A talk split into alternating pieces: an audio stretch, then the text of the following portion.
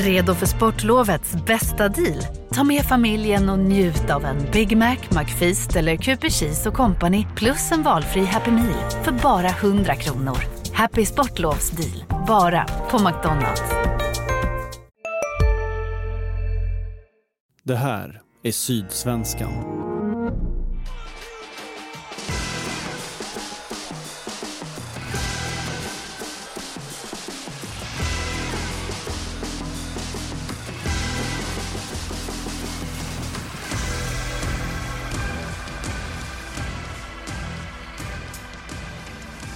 Välkomna tillbaka till MFF-podden. Det här är avsnitt 283. Jag heter Fredrik Hedenskog och jag har sällskap av Max Wiman och Fredrik Lindstrand. Hej på er! Hej! Goddag, goddag. Eh, Det är ju så här att vi har nu kommit fem omgångar in i allsvenskan 2022 och det finns bara två obesegrade lag kvar och de möts i nästa omgång. Men mer om mötet mellan Hammarby och Malmö FF senare. Inte minst då MFFs skadelista inför den matchen. Men först så ska vi prata om MFFs matcher mot Värnamo och Göteborg som ju har spelats sedan vi hördes senast. Att det kan skilja i intensitet och inställning mellan en torsdagkväll i Småland och ett stormöte inför 20 000 åskådare är kanske inte så konstigt. Men det är ändå frapperande att ett MFF som såg ointresserat och uddlöst ut i Värnamo kan leverera en sån prestation som de första 60 minuterna hemma mot IFK Göteborg. Därför ska vi göra vad vi kan för att bena ut skillnaderna mellan de här matcherna. Och vi börjar, tänker jag, med Milos Miljevic taktiska drag att frångå 4-3-3 och istället spela 3-5-2. Eller 3-4-3 som de sa i tv. Jag vet inte riktigt eh, hur det känns. Jag tyckte allt var en 3-5-2. Det Ja, får- 352 så var det definitivt. Ja, det är bra. Eh, men Jag ställer frågan till dig först Fredrik. Varför gjorde Miljevic på det här viset och vad innebar det på planen? Jag tror det var en kombination av att tillgängliga spelare och motståndet och kanske även för att få ut max av, av laget i eh, nämnda match.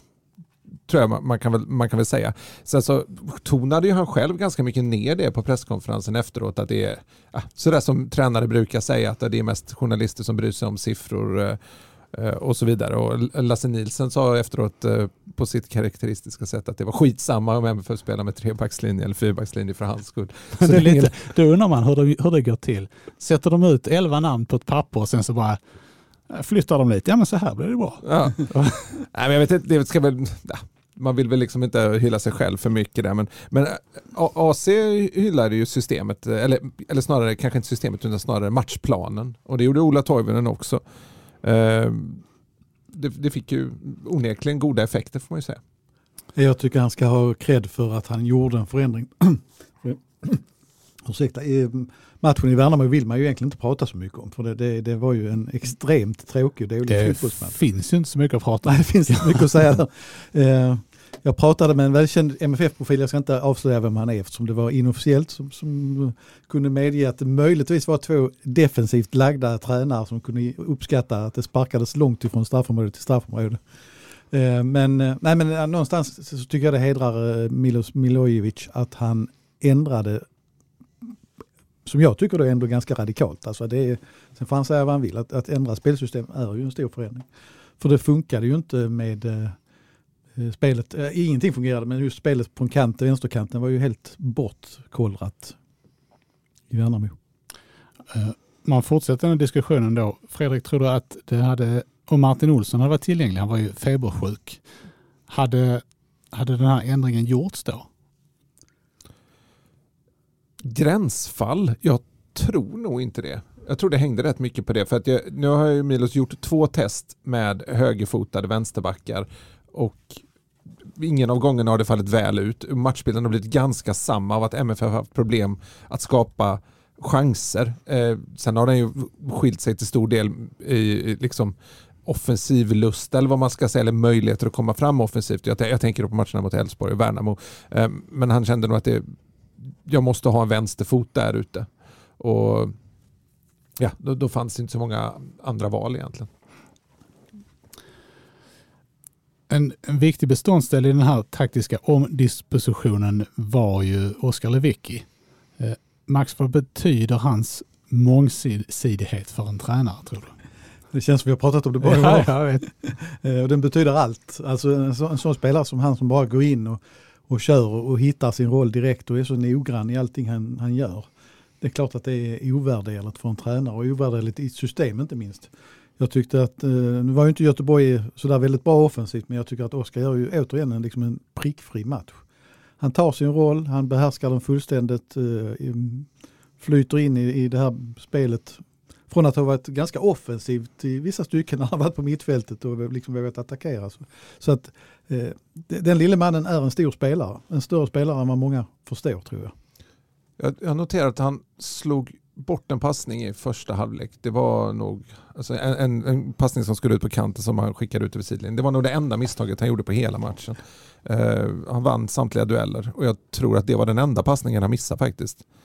Eh, övriga i backlinjen vann i stort sett alla dueller också så det, det funkade väldigt bra med trebackslinjen. Den effekten har man lite fått tidigare år också ibland när man i enskilda matcher har gått över till den. Det är lite samma som mot Djurgården borta också där var det visserligen skillnaden att MFF släppte fortfarande till en hel del chanser men man får ändå en, en struktur på matchen som gör ganska stor skillnad. Det, det, var rätt intressant att lyssna på rent taktiskt liksom när spelarna pratade själva vad det hade inneburit. Anders Christiansen kan ju vara väldigt intressant när han liksom lägger ut texten om vilka förändringar det var. Han menar ju på då att MFFs mittfält hade fått vara fyra mot två eh, nästan hela matchen. Både när de låg bakom eh, Blåvitts mittfält och på andra sidan.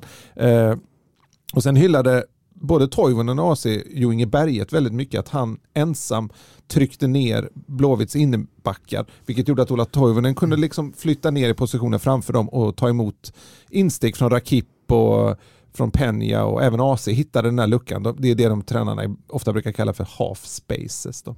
Eh, där dök de upp och det blev ju, Blåvitt hade ju otroligt svårt att liksom sortera in MFF-spelarna var de befann sig och det gav ju liksom känslan av att alla i MFFs offensiv var väldigt delaktiga och hade, fick boll och, och, och, så är det ju efter matchen när man ska summera vem var bäst i MFF igår. Det, det går liksom ja, det, jag landar väl kanske i en bland eh, Toivonen och Lasse Nilsen möjligtvis. Men det var inte så att någon liksom föll, föll ur ramen då. Ja, det skulle vara Dalin som inte hade någonting att göra då, men det, det kan man inte lasta honom för.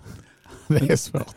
Eh, någonstans ska man komma ihåg också att den här förändringen var ju beroende av andra förändringar. Att Sören Räck spelade framför där på, som wingback eh, var naturligtvis också en avgörande del. Jag tror inte det hade varit lika bra med Birmancevic där.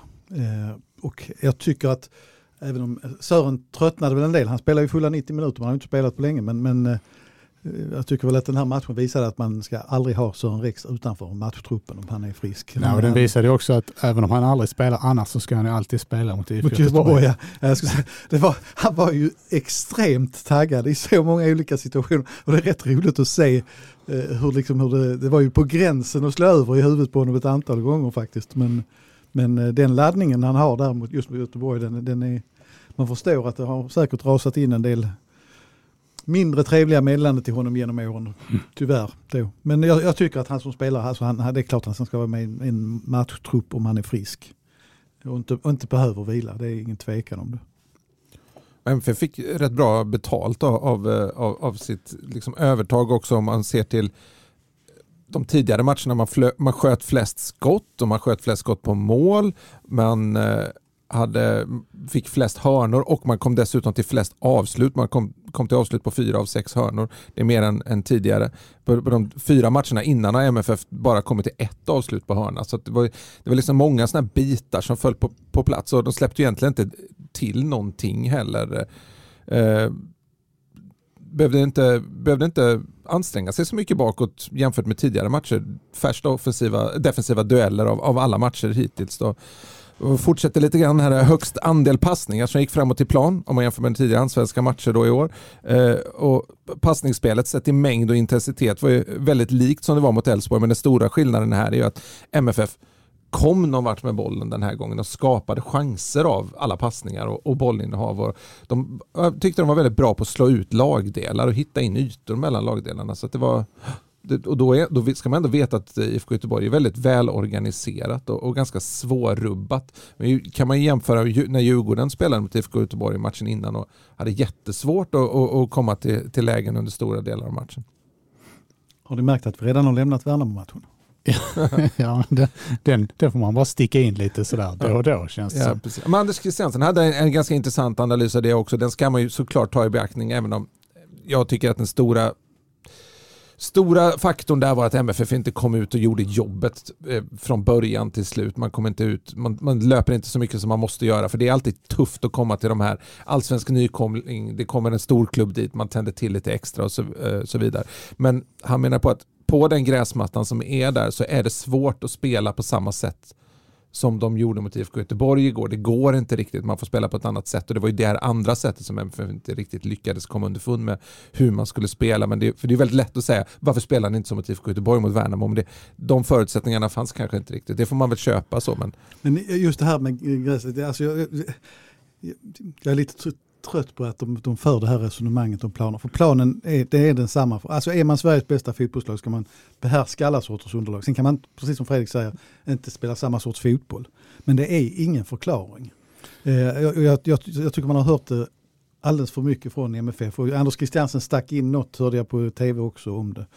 Eh, att nu fick man spela på en riktig gräsmatta. Jag, jag, tycker det är synd att man väljer det. Jag tycker att man istället skulle ransaka sig själv för, för att eh, alltså inställningen. Det, jag, jag, älskar att lag längre ner och mindre lag vinner mot de större eller tar poäng. Och det är inget konstigt att så sker. Men sättet det sker på när Malmö gör de här matcherna tycker inte jag är okej. För att det, det, det, finns inte den viljan och intensiteten och kampen och de där extra 10 procent tycker jag i matcherna. Utan... Ja, för det, det kändes ju som en match som man eh, i, i, vissa stycken har sett innan.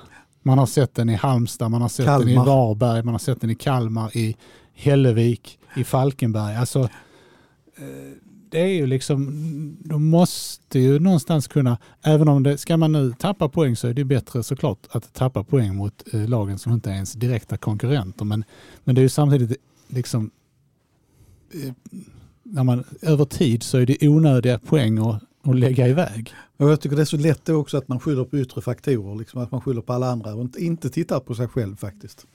Ja, men det kommer man återkommer ju till min gamla käpphäst här där att om, om MFF ska bli Sveriges Bayern München så måste man kunna stöka undan de här matcherna. Det, om man jämför då med den typen av stor klubb i, och, och, i dess liga så vinner de ju nästan alltid de här matcherna. Den typen av plumper finns ju inte på samma sätt där.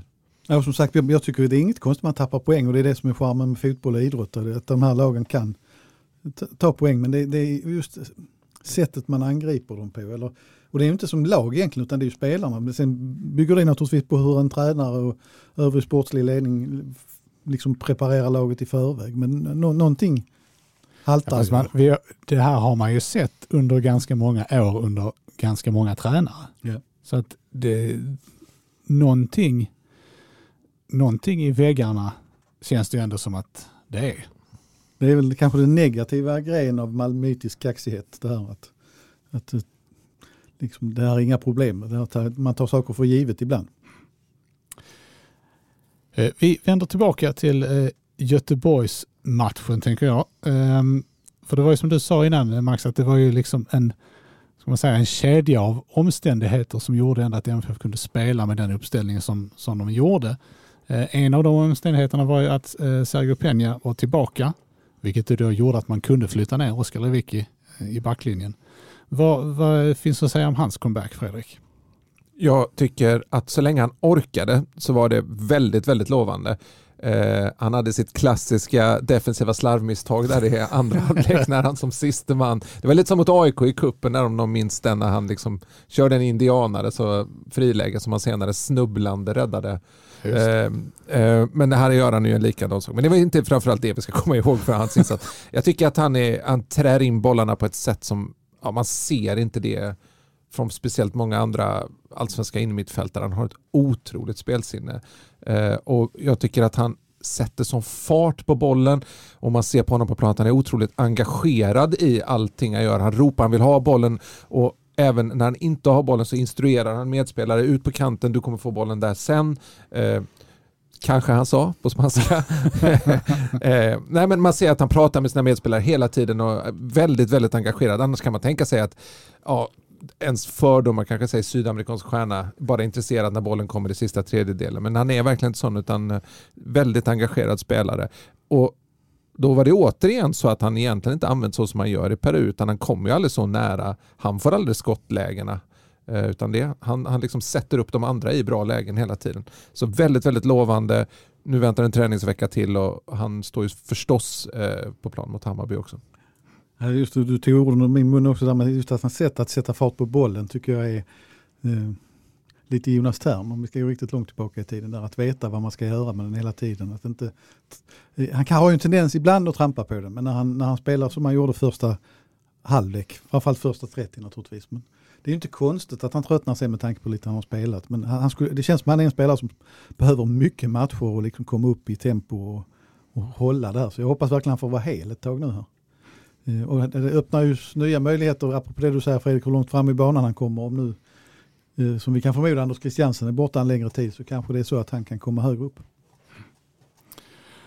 Ja precis, för att det, det, det, effekten av att AC är på plan är ju att Penja får gå lite längre bak. För att Penja kan hantera den rollen på ett bättre sätt än vad AC hanterar den rollen. Så det blir naturligt, det blir en sån rollfördelning. Det är naturligt. Så det blir spännande att se om, om, om Penja kan ta ett större offensivt ansvar. Det är just det här med jobbet, för jag tänker på det, vi, eh, Eh, vi, vi passerade förbi Berget som hastigast innan också. Alltså just det här, för Penja löper mycket mer än vad många tror, eh, skulle jag vilja säga. Han springer väldigt mycket och jagar boll utan boll också. Men, men just Bergets arbetsinsats också. Eh, alltså, med den, har man den attityden även mot Värnamo så tror jag inte att det blir 0-0 där uppe. Han hade ju löpningar in i 90 minuten som var helt makalösa. Och hade dessutom bra målchanser den här gången. Eh, var den här matchen eh, någonting som, eller visar den här matchen någonting som, som, eh, som tyder på att, att Berget trots allt är ett, ett trovärdigt alternativ som anfallare i det långa loppet så att säga? Jag tycker inte riktigt det ändå, men, men eh, alltså, han kan vara stand-in där, men det, det, det är liksom inte, jag skulle inte satsa på honom som första val där fram. Jag tycker det var väl bland de första gångerna i alla fall, eh, jag har inte kollat igenom alla matcher sedan han kom till Malmö FF. Han har ju ändå gjort ett gäng. Eh, där han används som en av två. Annars har det ofta varit i ett 2-3-1 så har han spelat som, eh, som spetsen då. Eh, eller i ett 4-3-3 också som spets. Här, här får han ju faktiskt en liten annan, lite annan roll. Eh, och det kanske gynnar honom lite bättre. Det är möjligt att det var så. Ja, den uppställningen också, för vi, vi lyfter spelare efter spelare. Men Ulla Toivonen är bara nämnd också i förbifarten. Han, eh, alltså med tanke på hans skadebakgrund så tycker jag att han gör ett fantastiskt jobb igen. Eh, och man ser hur farlig han är där, i det område jag gärna ser honom, i straffområdet, långt framme. Och då, då underlättar han för Berget när de är två där inne som kan stötta och hjälpa varandra. Ja, det är fascinerande att se Ola Toivonen på plan för att han får ut så mycket av sitt spel. Han är så smart och värderar situationerna så bra. Han vet, han vet vad han inte kan på ett väldigt bra sätt och han vet vad han inte orkar i en sån här match. Sen är ju tacksam då den här matchen för att MFF har mycket boll och då det blir inte samma typ av löpningar. Det är alltid, det är alltid lättare att ta en löpning om man vet att man kan kanske göra mål efter än att ta ett hemjobb. Liksom. Det, så, det, så är det ju. Um, uh, och han, han funkar väldigt, väldigt bra, väldigt, väldigt klok. Uh, kommer ner och möter och han har ju en han har, har ju en touch som väldigt få andra har. Jag ska liksom se, det, och den har vi ju hyllat tidigare här efter målet mot AIK. Men det, är, det, det, det är häftigt att se honom och det, det är en stor skillnad mot hur han var för ett år sedan under de här nio matcherna tror jag det var innan eh, korsbandsskadan kom där han inte stod att känna igen. Sen ville man ju skrika byte ner till, till MFF-bänken när det, när det var lite innan han verkligen blev utbytt för då såg man hur han pustade och stånkade. Ja, det är inte lätt Nej, men det var för inte oss som är gamla. Att, det är inte konstigt att han blir trött med tanke på bakgrunden. Men det, man ser på Ola Toivonen att han verkar trivas otroligt bra med fotbollslivet just nu. Det är liksom, han utstrålar eh, han är ju inte han är, säga, han är en glad spelare så att säga men han utstrålar ändå en sån energi på något sätt som eh, som, som går att ta på. Han verkar, det var ju samma sak med inhoppet mot Värnamo. Han var en av de få mm. ljusglimtarna i MFF där. Det, det känns som att han, ja, han, han liksom bokstavligen talat en ny vår för honom. Ja, han fick ju också, han fick ju aldrig uppleva någon eh, återkomst till den allsvenska publiken. Så att eh, man kan ju tänka sig att det det också liksom eh, bär honom lite, lite grann här. Um, när vi ändå diskuterar Toivonen så är jag lite nyfiken på att höra vad ni säger om alltså hans roll framöver då med tanke på Anders Christiansens skada. Vad, vad, vad ser ni framför er? Om vi inte pratar Hammarby specifikt, men, men liksom det som om vi, om vi antar att Christiansen är borta, kanske ända fram till sommaruppehållet. Ja, säkert. Nej, men alltså, jag, jag, tror att det kommer att skifta eftersom han är så flexibel i sig själv. Men för, för när Thelin är med då kanske han kan rent av ha AC-rollen bakom. Det är nog inte helt otänkbart. Det funkade ju på inget sätt uselt eh, när han hade just den rollen eh, 2020, med Thomassons första år. Då och de funkar ju väl tillsammans mm. också. Sen kan jag mycket väl se honom som igår, alltså det längst där framme också.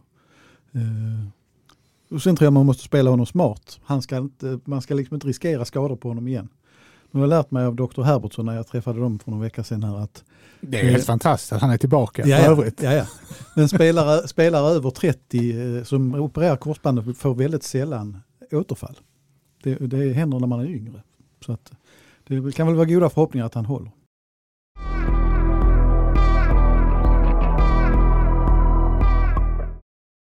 Vi berörde ju försvaret eh, som hastigast här. Jag tänkte vi kunde prata lite mer om det. För MFF har ju nu spelat fem allsvenska matcher och bara släppt in ett mål. Göteborg skapade, som vi sa, väldigt lite. Det var ett par Eh, det var ett par inspel från kanterna i, i slutet av första halvlek som var ganska nära resultera men som faktiskt inte ledde till några avslut. Ens. Nej, det är, ju, det är ju nästan ett eh, bergmiss mot Spanien i EM eh, tycker jag på det inspelet. Även om den kommer nära kroppen, eh, vi diskuterade lite med Max innan när de, hur, hur man skulle värdera chansen egentligen. Det, det, det går ju väldigt, väldigt fort. Det är möjligt att han kanske är skymd av någon spelare framför men det kan mycket väl bli 1-0 till IFK Göteborg där. Det har ju varit ett otroligt antiklimax efter, efter MFFs eh, halvlek.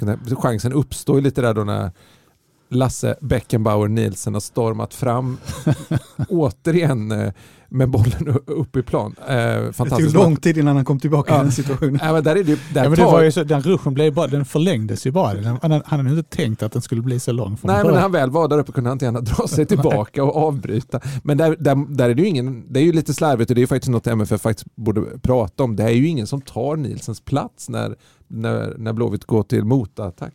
Penja tar ett rätt slarvigt hemjobb måste man ju säga.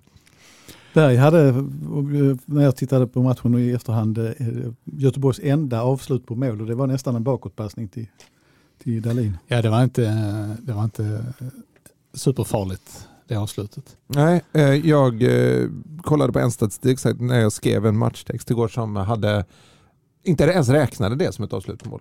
Nej, det är lite det, är ja, precis. det var ingen hockeysajt det. Nej.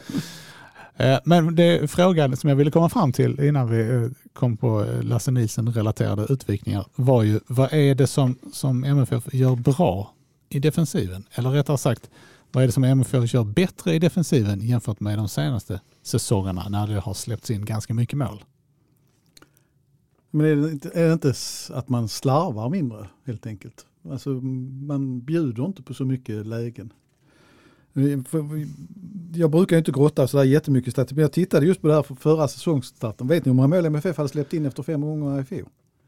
Jag skulle gissa på sju. Nio mål. Oj, det var mycket. Eh, 3-2 Hammarby seger, 2-1 Häcken seger, 1-1 Östersund, 1-3 Djurgården förlust, 3-2 Varberg. Det är nio mål.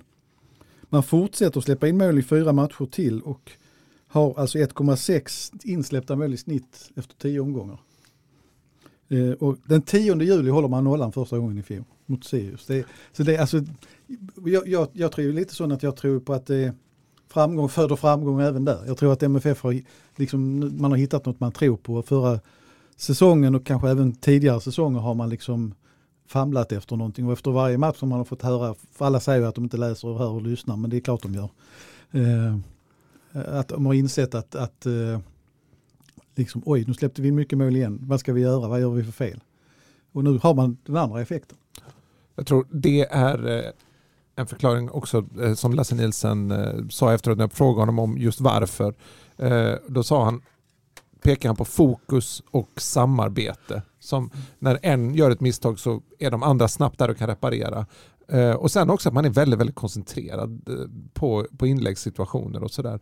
Eh, sen om man jämför med förra året så är den kanske största skillnaden mm, dock nog Johan Dahlin skulle jag säga som missade vårsäsongen. Det, det blev stor skillnad när han kom Jag tillbaka. skulle precis säga det, det var ju, jag minns fel så var det Marco Johansson som stod. Ja, precis. det där. Precis. Det, det, alltså den, I flera matcher nu har ju Dahlin visat en sån trygghet och bestämdhet i sitt agerande. Mm. Så det är, det, är klart att det är en jätteskillnad. Nej, för det, jag, skulle inte, jag kan inte peka på här stora taktiska eh, omdisposition. Disposition. Det, det tycker jag faktiskt inte. Eh, sen så har man väl haft lite, lite flyt också Johan Dahlin. Jag gör en jätteräddning borta mot Värnamo på ett, just den typen av avslut som MFF kanske säger att man inte har haft några problem med de här lyftningarna in. Jag pr- pratade ju med Jonas Tern efter matchen. Det var nog första gången jag intervjuade honom faktiskt. Det, var, det, det är minnesvärt, det gör man gärna om. Det var väldigt intressant och kul på samma gång. Då frågar Max han, pratar med honom titt som tätt. Ja, men det, man Måste måste inte också, få på honom. nej, precis, om- man måste se till att avsätta tid. Det var efter en match, jag hade en deadline att gå på, så det var nästan så att jag fick avbryta honom när han kastade sig ut i, i lumparhistorier om Johnny Fedel och sådär. Så- Men det var ju samtidigt så är en annan del av sig själv som bara vill stanna kvar och lyssna hela natten.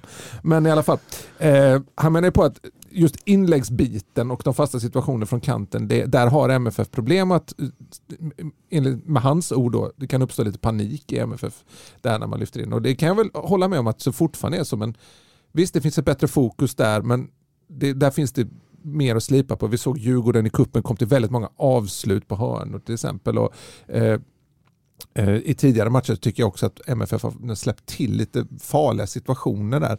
Även om man bara har släppt in bara fått 13 skott på mål under de här fem inledande matcherna. Men det, det, det var kanske nu ska, nu, nu ska vi hylla defensiven, för den har ju varit väldigt bra, men det var, jag tyckte fortfarande det är lite odisciplinerat att MFF drar på sig flera frisparkar precis utanför 16, eh, ute på kanterna, då det blir den här typen av inläggslägen. Eh, lite så, bara för att man är lite för het upp i ryggen på en motståndare. Så att, ja, lite bättre disciplin där kan jag efter, En, en efterlysa. s- sak som jag, det, det, är kanske bara en fånig detalj, men jag, jag tycker att man med Denis Hadzikadunic har blivit så mycket bättre i huvudspelet i eget straffområde. Det är så ofta han nickar bort bollar. Jag menar inte att Lasse Nilsson är dålig i luften eller att Arnel var dålig i luften, men Dennis har en förmåga att vara på rätt ställe och få bort, bort bollarna ganska långt. Eh, och jag, jag tror det är en rätt viktig egenskap där. Och nu spelar han ju centralt av tre igår också. Det var ju inte så mycket att göra just i denna matchen, men, men jag, tror det, jag tror det är en väldigt viktig del av spelet att, att behärska. Jag tror man kan väl säga det att MFF kanske har vunnit lite grann i defensiv trygghet med Dennis Hadzikadunic så kanske att man tappat lite grann eh, i passningsspelet. Fram, den, de här dels frambrytningarna, även om Lasse Nilsson gjorde några tappra försök igår, hade en nick i stolpen. Men, också de här passningarna som slår ut lagdelar som Anel Ahmedhodzic var så väldigt, väldigt bra på. Eh, där har man kanske tappat lite grann och det kanske var en, en del i förklaringen att man har gjort mindre mål också. Eh, bra övergång där, Ja. Fredrik. Ja, men jag För måste att- ändå hoppa Ja, okej. tillbaka för att jag Attans. tänkte vi bara skulle säga det här. Ett mål bakåt har MFF inte släppt in eh, på de fem första allsvenska omgångarna sedan 1990. Eh, dock är i år bättre för att eh, den gången så gjorde man bara ett framåt också. Man vann en gång med 1-0, förlorade en gång med 1-0 och spelade tre mållösa matcher. Men jag har faktiskt inte orkat kolla upp om MFF har varit bättre efter fem omgångar innan 1990. Så om någon läsare är sugen på det, lyssnare är sugen på det så, så får man gärna höra av sig. Alltså då, på Bobs tid släppte de ju knappt in några mål Ja, överhuvudtaget. men det, kan, det är mycket väl att det finns Nej, en sån inte. säsong där. Men om någon är sugen Säsongen på 1990 är, kan man ju för övrigt annars eh, Jag började snabbt tänka, skriva av. men var det inte så att det var Bob som var tränare? Var det när han var tillbaka då? Hodgs- Efter kom Hodgson han direkt efter lämnat. Roy. Eller var det Keith Blunt kanske? Nej, Nej, det var Nej Keith Blunt var inte under min. Eh, Medan ni sitter och spå, spånar här så kollar jag upp detta fort. jag gör det. Eh, På den eminenta eh, statistiksidan allsvenska MFF. Blogspot. Blogspot.com. Den, den tycker jag ni kan gå in och Den är roa fantastisk. med. Ja, Jag gillar dessutom att den personen har varit väldigt konsekvent och då inte har med det året Malmö spelade i Superettan. Den finns inte med där överhuvudtaget. jag både gillar och inte gillar det. För när man ska, jag, Vi är specialister på det vi gör, precis som du. Därför försäkrar vi på Swedea bara småföretag, som ditt. För oss är små företag alltid större än stora och vår företagsförsäkring anpassar sig helt efter firmans förutsättningar. Gå in på swedea.se företag och jämför själv. Hej, Hej, Synoptik här. Hos oss får du hjälp med att ta hand om din ögonhälsa. Med vår synundersökning kan vi upptäcka både synförändringar och tecken på vanliga ögonsjukdomar. Tid på synoptik.se. sammanställningar så är det lite irriterande att man... Det är inte så att svensk fotboll levererar när det kommer till Superettan. Superettan 0-0. Nej. Eh, då ska vi se, det är Bob Houghton. Ja, han kom tillbaka Ja. där. Mm. Precis. Så det var säkert ingen slump att det var 3-0-0 matcher där i början. Men om vi då stannar kvar och tangerar det ämnet så, så är det ju ehm, ändå så att trots det fina spelet mot Göteborg eh, så är det ju, har MFF bara gjort mer än ett mål i en enda match, det vill säga, eller i allsvenskan då mot AIK.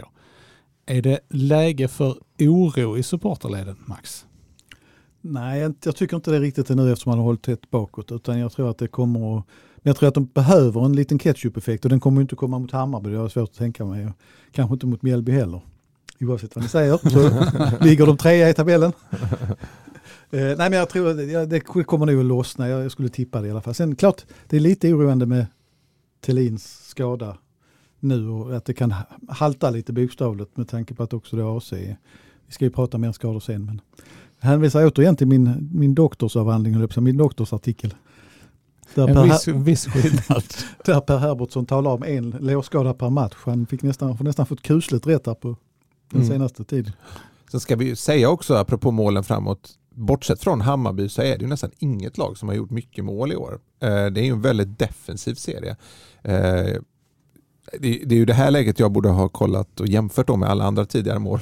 Men det har jag faktiskt inte orkat. Men om vi tittar på MFF eh, så är det alltså Hammarby har gjort flest mål, 13 på fem matcher. Det är ju ett väldigt bra facit. Sen är det alltså Häcken och Elfsborg då som var åtta mål näst bäst och sen är det ett dröslag på, på sex mål varav MFF är ett. Då. Så det är, det är en, en målsnål start överlag. Och eh, sen tycker jag att MFF framförallt mot IFK Göteborg, man hade haft en annan syn på det om de inte hade skapat några chanser mot IFK Göteborg. För då hade det liksom funnits Elfsborg, då hade det funnits Värnamo, eh, där det liksom MFF inte kommit till tillräckligt heta chanser. Men mot IFK Göteborg tycker jag man är ju där och man skapar mycket, trots att man saknar viktiga offensiva pjäser. Jag tror alltså, jag tittade eftersom jag hade de siffrorna från i fjol, då hade man gjort 10 mål efter fem matcher. Men då släppt in nio så att säga. Jag tänker så här också att som en matchen igår så har ju, hade, i och med att MFF får 1-0 tidigt i andra halvlek så tror jag det är, matchbilden förändras. Eh, inte bara från Göteborgs sida utan Malmö har ju visat för att man gärna blir lite försiktiga i det läget. Och man stängde ju igen, det var ju egentligen aldrig riktigt farligt bakåt så att säga. Så man gick ju inte särskilt hårt för att göra ytterligare mål då. Hade man fortsatt med samma spel som i första halvlek så hade det kanske blivit fler mål om man hade orkat det. Eh, för motståndaren blir ju trött av, av den typen av spel så att säga. Men eh, det är klart att Malmö måste göra fler mål på sikt. Men jag tror, jag tror det är för tidigt nu att säga att det är jätteoroande.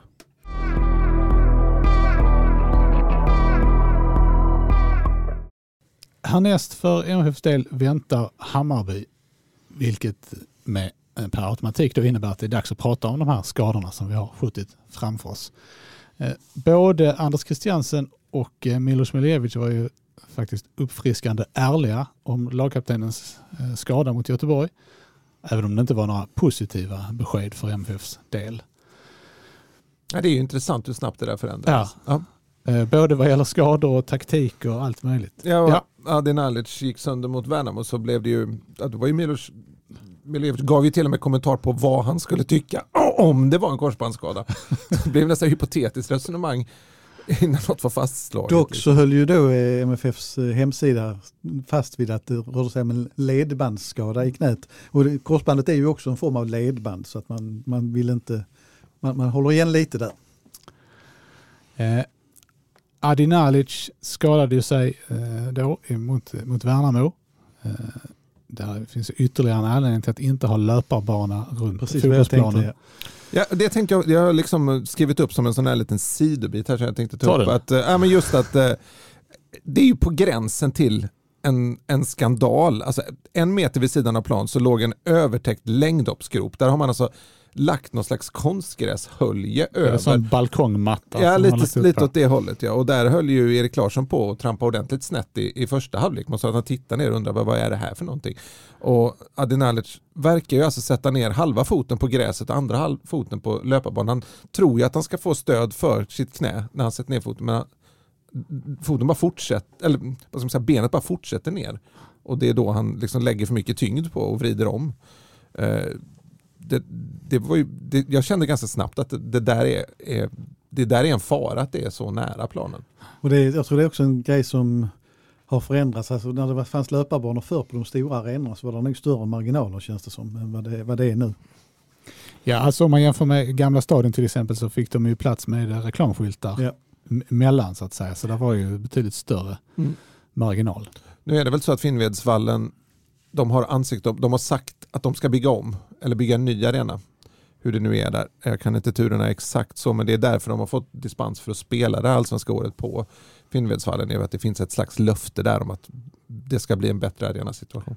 Ja, men Det, det, hjälper ju inte Adinalic. men det är ju rätt att, att, att de får möjligheten till det. Men eh, det, det är ju en risk med gamla arenor. Vi kan ju dra en parallell ner till gamla idrottsplatsen här nere, nedanför oss som där Rosengård har fått spela på dispens och man har stora problem därför att där är inte löparbanor men där är läktarna så nära eftersom den är K-märkt den ena läktaren så kan man inte flytta på den heller. Eh, så att eh, det är, det är ju en problematik med gamla arenor i en modern idrottsvärld, så är det.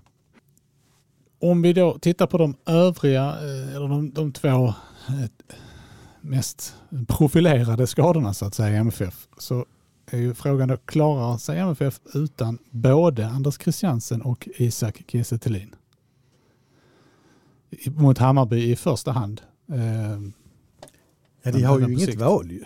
nej, Det är en av de saker jag tycker är roligt med att vi, man, vi följer Malmö noga. och Så där, och man, jag vet naturligtvis många supportrar att redan när skadan sker så börjar man ju liksom forma, forma om laget i skallen själv och vara en del av det så att säga. Och, eh, jag kan väl se framför mig att även om han är ung så kanske det här är Hugo Larssons möjlighet att gå in på mittfältet från start för att ändra så lite som möjligt. Eh, om jag, jag tvivlar på att Kiese är med, men man vet ju inte. Ja, Alltså det, det lät ju, Miljevic lät ju ändå ganska hoppfull efter matchen. Och med tanke på hans, den här nya öppenhetspolicyn så, så tänker jag ändå att det var hans ärliga uppfattning av läget. Men där tror jag just att det med- medicinska teamet, de, har ju, alltså de, de tar ju inga risker för, för att de ska slå upp den här typen av, om det nu är liksom på gränsen till bristningar Mm. eller vad det rör sig om. Sen man ser vad MFF ger för tyngd i den här matchen också. De kan ju också bli sju poäng efter Hammarby om de förlorar. Eh, Så att det är ju, kan, kan det finnas någon, man ska såklart inte chansa med spelare men man kan ju också välja att sätta någon i spel lite tidigare för att det är en viktigare match. Så att säga. Jag, om man tittar på Anders Christiansen så, så håll, jag ska inte säga att jag håller det som osannolikt att han spelar mer i vår men det är ju det, är näst, det kändes efteråt om man bara fick taxera någon slags chans så är det risk slash chans då att 50-50 skulle jag säga för att eh, han menar ju på att han hade ju problem med sitt lår eh, i fjol också. Eh, det spökade både i slutet av säsongen och lite i samband med Europa-intåget där. Eh, och han sa igår att det här kändes just nu i alla fall som att det här var värre. Eh, så att det är väl inte otänkbart att han faktiskt inte spelar så mycket mer. Alternativt att man liksom sätter cupfinalen som någon slags comeback-datum och så, och så får han köra den och sen rehabba ytterligare då. Men det är, med tanke på Europaspelet som kommer och tätt matchande i höst så säsongen är lång, det är en klyscha men det kan också vara smart att, att, att pausa honom lite där. Och MFF gick ju ändå ganska hyggligt utan Christiansen under långa perioder i år. Eh, så just hur man är beroende av honom är inte riktigt lika mycket som, eh, som det har varit för kanske tre år sedan. Jag tror man blir mer beroende av att det får inte hända mer så att säga. Alltså nu är det viktigt att Penja håller sig frisk till exempel. Att Oskar Lewicki kan spela och helst kan spela på mittfältet. Eh, Så jag tror det är liksom mer där man blir beroende. Sen, sen tror jag att våren är helt körd. Alltså, när Fredrik nämner cupfinalen, just idag är det faktiskt exakt en månad dit. Det känns väldigt kort. Eh, Sen kan de säkert ha den ambitionen men, men realistiskt sett tror jag inte han spelar före sommaruppehållet. Nej men det är ju, um, med Madi Nalic tänkte jag också, det är inte så att han har, har liksom dominerat här de här den första biten den här säsongen. Men det är ju just att ha en sån spelare i truppen att byta in under matcherna. Det är ju det som är Malmö FFs styrka, att man har de spelarna på bänken. Jag tänkte när IFK Göteborg gjorde byten i andra halvlek. De, de kan ju inte mäta sig med Malmö FF. Deras bänk, de har, det, är liksom, det är inte så att de byter för att de har, inte, de har inte den tyngden för att förändra matchbilden utan det är mer att man man bibehåller matchbilden och fortsätter hoppas på att det ska komma en ströchans mot slutet. MFF kan ju, kan ju förändra, scen, göra, stå för en stor scenförändring bara man byter in kvalitativa spelare. Liksom. Sen eh, tror jag ju att eh, för, som förutsättningarna är det klart Malmö går alltid för seger men det viktigaste är ju att inte förlora i Stockholm i det här skedet av säsongen. Alltså att inte förlora mot Hammarby för det är ju som Fredrik säger sju poäng upp Eh, det, då, då börjar det bli liksom ett jobbigt gap. Men eh, oavgjort kan de säkert de leva med. Med tanke på historien på Tele2 också trots segern mot Djurgården nu i cupen. Men det, sen hänger ju de här skadorna ihop lite grann. Med vissa fall är det ju otur som i Nalic eh, fall. Det är ju liksom, har ju ingenting med ålder egentligen att göra. Men eh, Anders Christiansen är 30 plus, Martin Olsson som varit skadad här är 30 plus, Kiese Thelin blir 30 plus ganska snart i sommar. Någon, någon månad kvar kanske till han fyller. Något sånt. Jag får mig att det är i juni i alla fall. Eh, Men är man 30 plus så fort man har fyllt 30? Ja, ja det är man. Det okay. måste man ju vara. Jag tänker att man skulle bli 31. Nej. Nej men det, det blir liksom det, ofta är det ju nedsidan med att, eh, att ha en liten äldre trupp. Sen så har ju MFFs om man, gamla trupp, det är väl allsvenskans, den och IFK Göteborg är ju allsvenskans äldsta då. Eh, väldigt bra fysisk status på dem ändå. Ja, och som vi har berört tidigare så är ju 30 är ju inte vad 30 Nej. var en gång. Precis. Men jag tänkte apropå Nalic, min första spontana tanke när han gick sönder, äh, spontana tanken är, är väl förstås den första, då, det där såg inte bra ut stackarn, eh, men det är ju att eh, Jimmy Durmas finns i Turkiet. Ett år kvar på kontraktet, i och för sig skulle det inte bli billigt att lösa, men det skulle ju egentligen vara en, en ersättare som skulle passa väldigt, väldigt bra de kan hantera både rollen till vänster och till höger på de här eh, forwardspositionerna. Var det... Jag försöker titta in i din hjärna. Ja. Hur det gick till. Där skadade han Jimmy Durmaz finns inte okej. Ja, men, det, men det är väl lite det jag är inne på också, att det är det som är så roligt att man, eh, när, man, när vi och många andra följer MFF som vi gör så, så liksom blir man ju lite coach och börjar tänka i nästa ja, man, drag redan. Ja, man ligger några led fram i tiden fort. Liksom. Det, Um, om vi åter, äh, återvänder till, till nuet så eh, Hammarby har ju fem raka vinster i allsvenskan och de har imponerat så här långt. Man kan som bekant inte göra mer än att spela mot det motstånd man har. Men det ska ju ändå påpekas att utöver tabelltrean Mjällby, som ju är en praktsensation för alla utom Max Wiman, så, så, har, det med tabelltrea. Ja. ja, så har eh, Hammarbys vinster alltså kommit mot lag med placeringarna 10, 13, 14 och 16. Så frågan är ju, hur bra är Hammarby, Fredrik? Ja, det får vi väl nästan se mot Malmö FF skulle jag på att säga. Um, nej, men det handlar ju också om att vinna mot de eh, lagen. Malmö FF vann ju till exempel inte mot Värnamo då, som är ett förmod, förmodat lag för nedre halvan. Uh, sen så om jag inte har fel nu så är det väl bara en av de där matcherna som är på gräs också.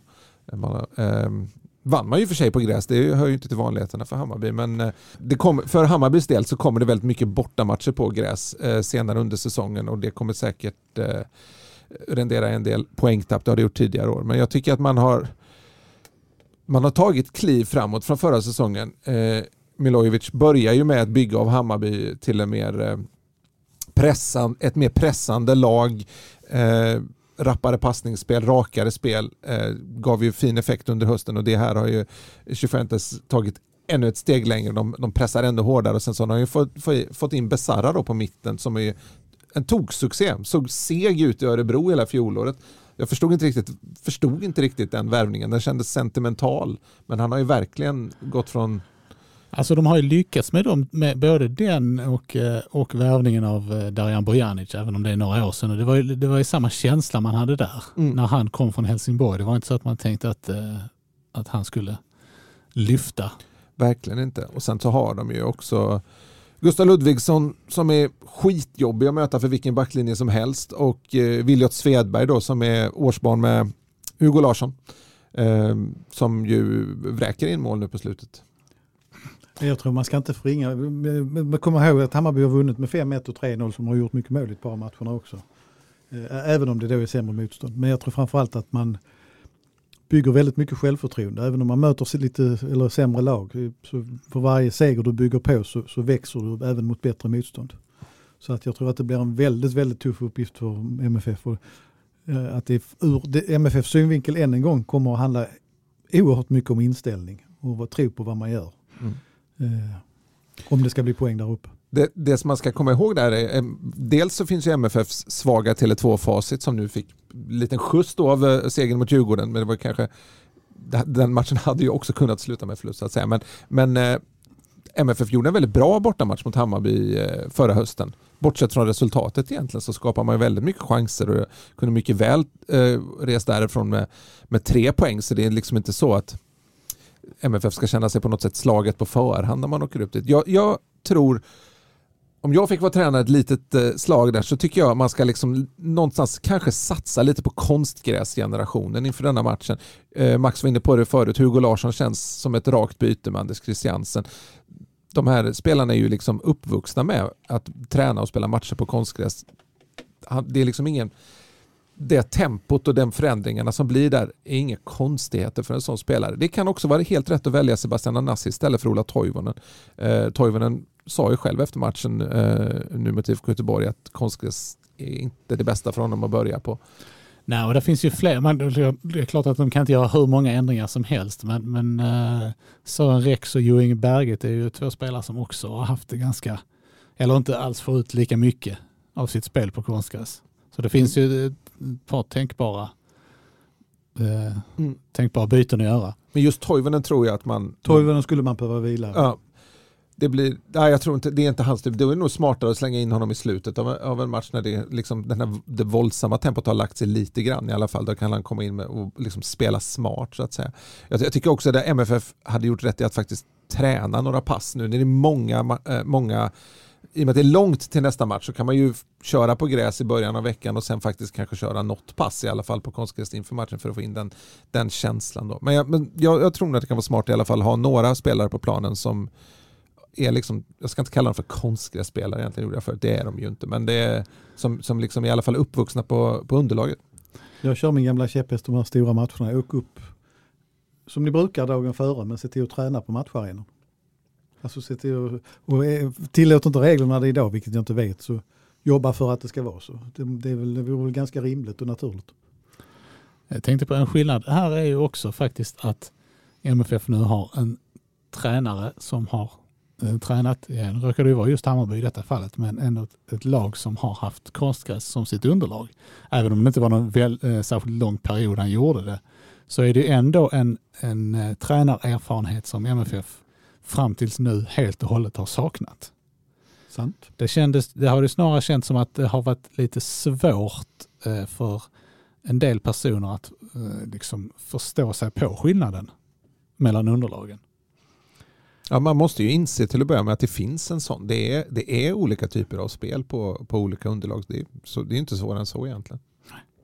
Sen så menade ju Milojevic på eh, ganska tidigt när MFF körde sina vinterträningar på konstgräs att han tyckte att både tempot och bollbehandlingen var bättre än eh, vad det var när Hammarby tränade på samma underlag. Och, så att, alltså det är inte så att kompetensen inte finns i laget.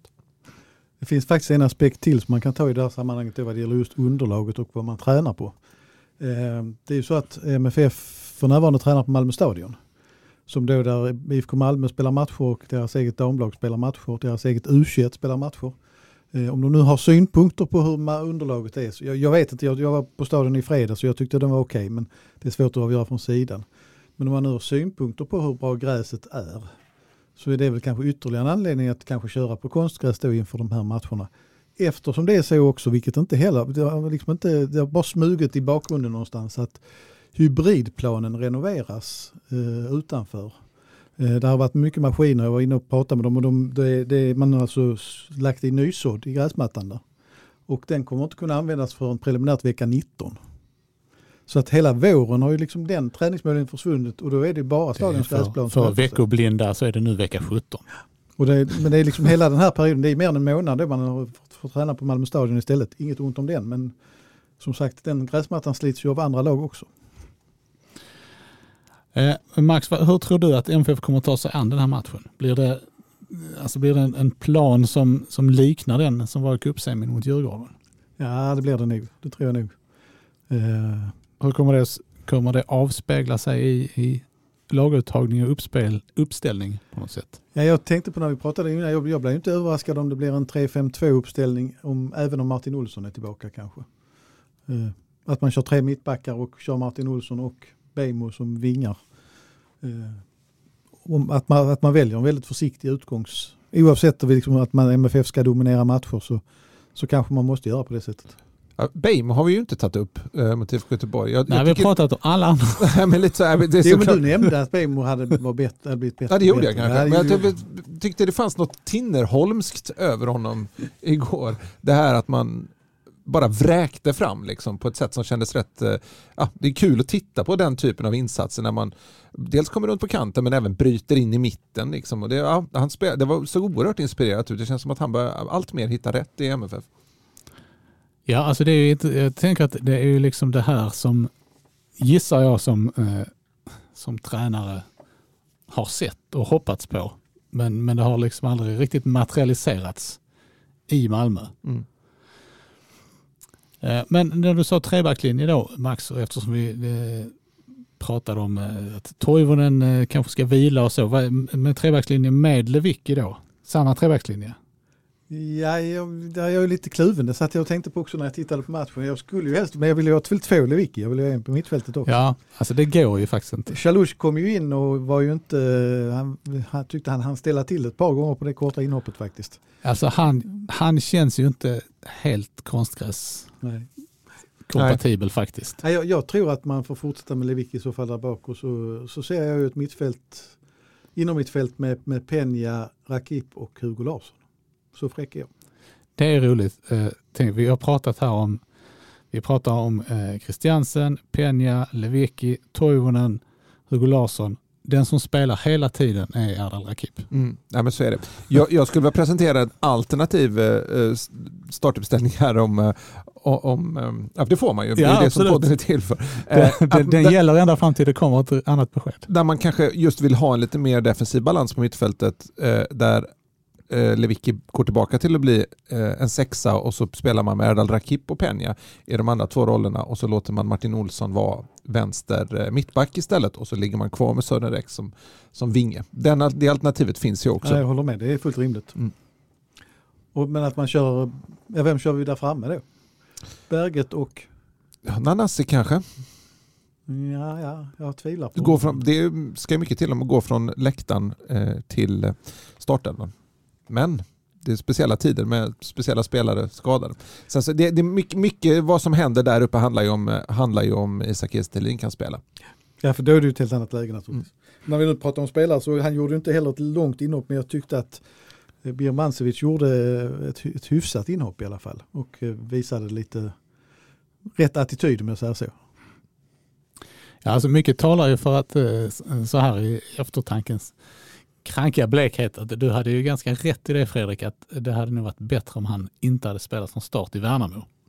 Och kanske fått komma in istället och eh, kunnat ha lite mer, lite mer plats. För den, den insatsen var ju inte mycket att hänga i, hänga i granen. Nej precis, det är möjligt, men det är lätt att säga i efterhand. Det kunde ju också varit att han gjorde Ja men du sa det ju i förhand. Ja det gjorde jag. gjorde jag det? Jag blev imponerad av mig själv. Så här i efterhand. eh, på tal om Birmancevic så finns ju också möjligheten att göra så som MFF gjorde i Europaspelet mycket förra gången. Att eh, Birmancevic var en släpande anfallare. Eh, som till exempel man kör Birmancevic och Berget där uppe. Det finns många. Eller Birmancevic och Kies Thelin. Möjligheterna är oändliga. Ja, förutom Christiansen. Ja just det. Eh, hör ni, eh, nu har vi pratat ganska länge här. Finns det något mer ni känner? Ja, jag skulle vilja Ja, ta upp en okej. liten grej från, från Värnamo. Jag, jag har nog en grej till sen. Ja, okej. Ja. Fredrik först. Ja, det här är ju verkligen ett, eh, ett, ett sidospår som de flesta skulle inte tycka var viktigt överhuvudtaget. Men Malmö FF spelade alltså i sitt mörkblåa bortaställ från 2021 uppe i Värnamo. Och det är ju ett faktum som de, de flesta inte bryr sig speciellt mycket om, men jag, jag kan gå igång på sånt. Jag, jag undrar lite, vad, vad, vad, vad tänker vad klubben där egentligen? Och eh, man, man kanske gör en höna av en fjäder, men jag tycker det sätter ett finger på att MFF har en bit kvar till europeisk toppnivå utanför planen, äh, även på planen och förstås i toppnivå, men om man vill, liksom de här klubbarna man vill ändå efterlikna lite grann strukturellt. Så många, många klubbar gör ju en väldigt stor grej av sitt tredje ställ. Man har ju sett kamouflage och man har sett batik och, och allt möjligt vad det kan vara. Alltså, som, Just batik har vi helt, kanske inte sett. Som, helt, helt liksom lagoberoende och neutral åsikt är att det är rätt så skönt att de inte spelar varken kamouflage eller batik. Ja, kamouflage har vi, det har vi ju sett. Det har ju till Juventus till exempel haft ett tredje ställ tror jag. Och kanske även att Manchester United har haft det. Men hur som helst, jag, jag tycker att det är konstigt att, att man liksom inte ens tar den chansen till att göra något annorlunda som det, mycket handlar ju om att liksom stärka varumärket på alla möjliga sätt. Det här struntar man bara i och kör ett gammalt ställ. Och jag tycker, jag, det, är ju, det återkommer till det här att jag tycker att det är anmärkningsvärt att MFFs officiella prylar är så, de, de är så långt efter vad till exempel supporterhuset eh, skickar ut. Så ja, det var ett sidospår. Jag, jag, vet att jag funderade på just varför de hade den dressen överhuvudtaget. Kunde de inte spela till sin vanliga hemadress?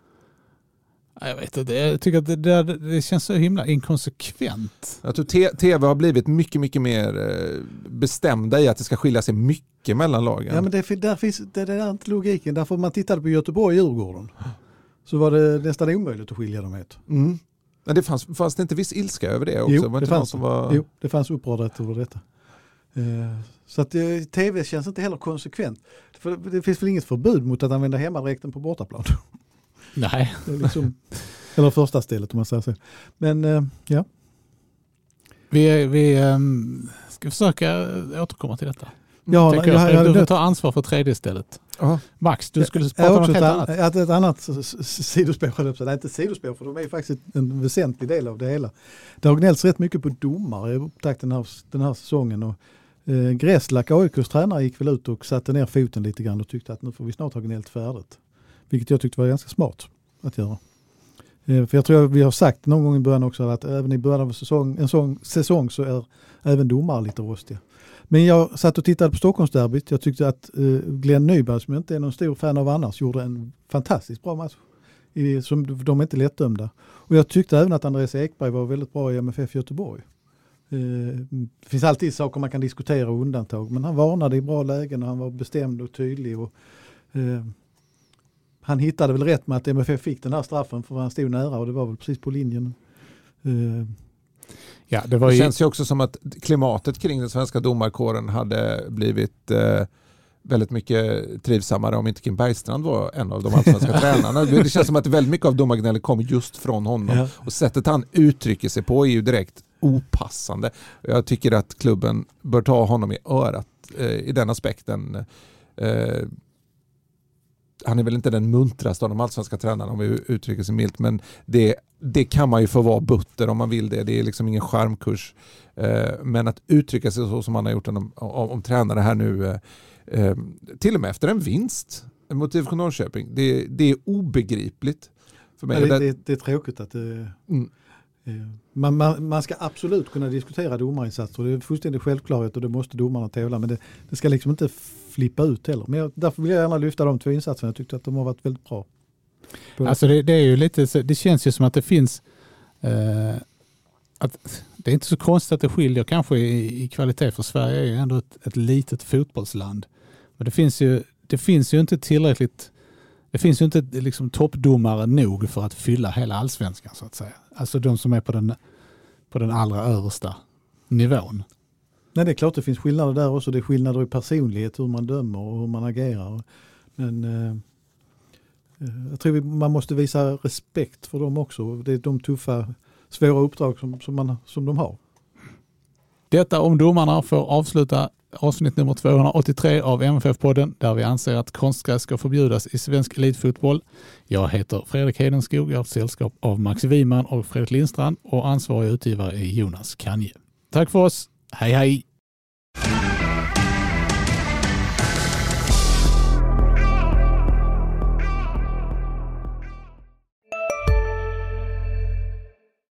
Hej, Susanne Axel här. När du gör som jag och listar dig på en av Krys vårdcentraler får du en fast läkarkontakt som kan din sjukdomshistoria. Du får träffa erfarna specialister, tillgång till lättakuten och så kan du chatta med vårdpersonalen.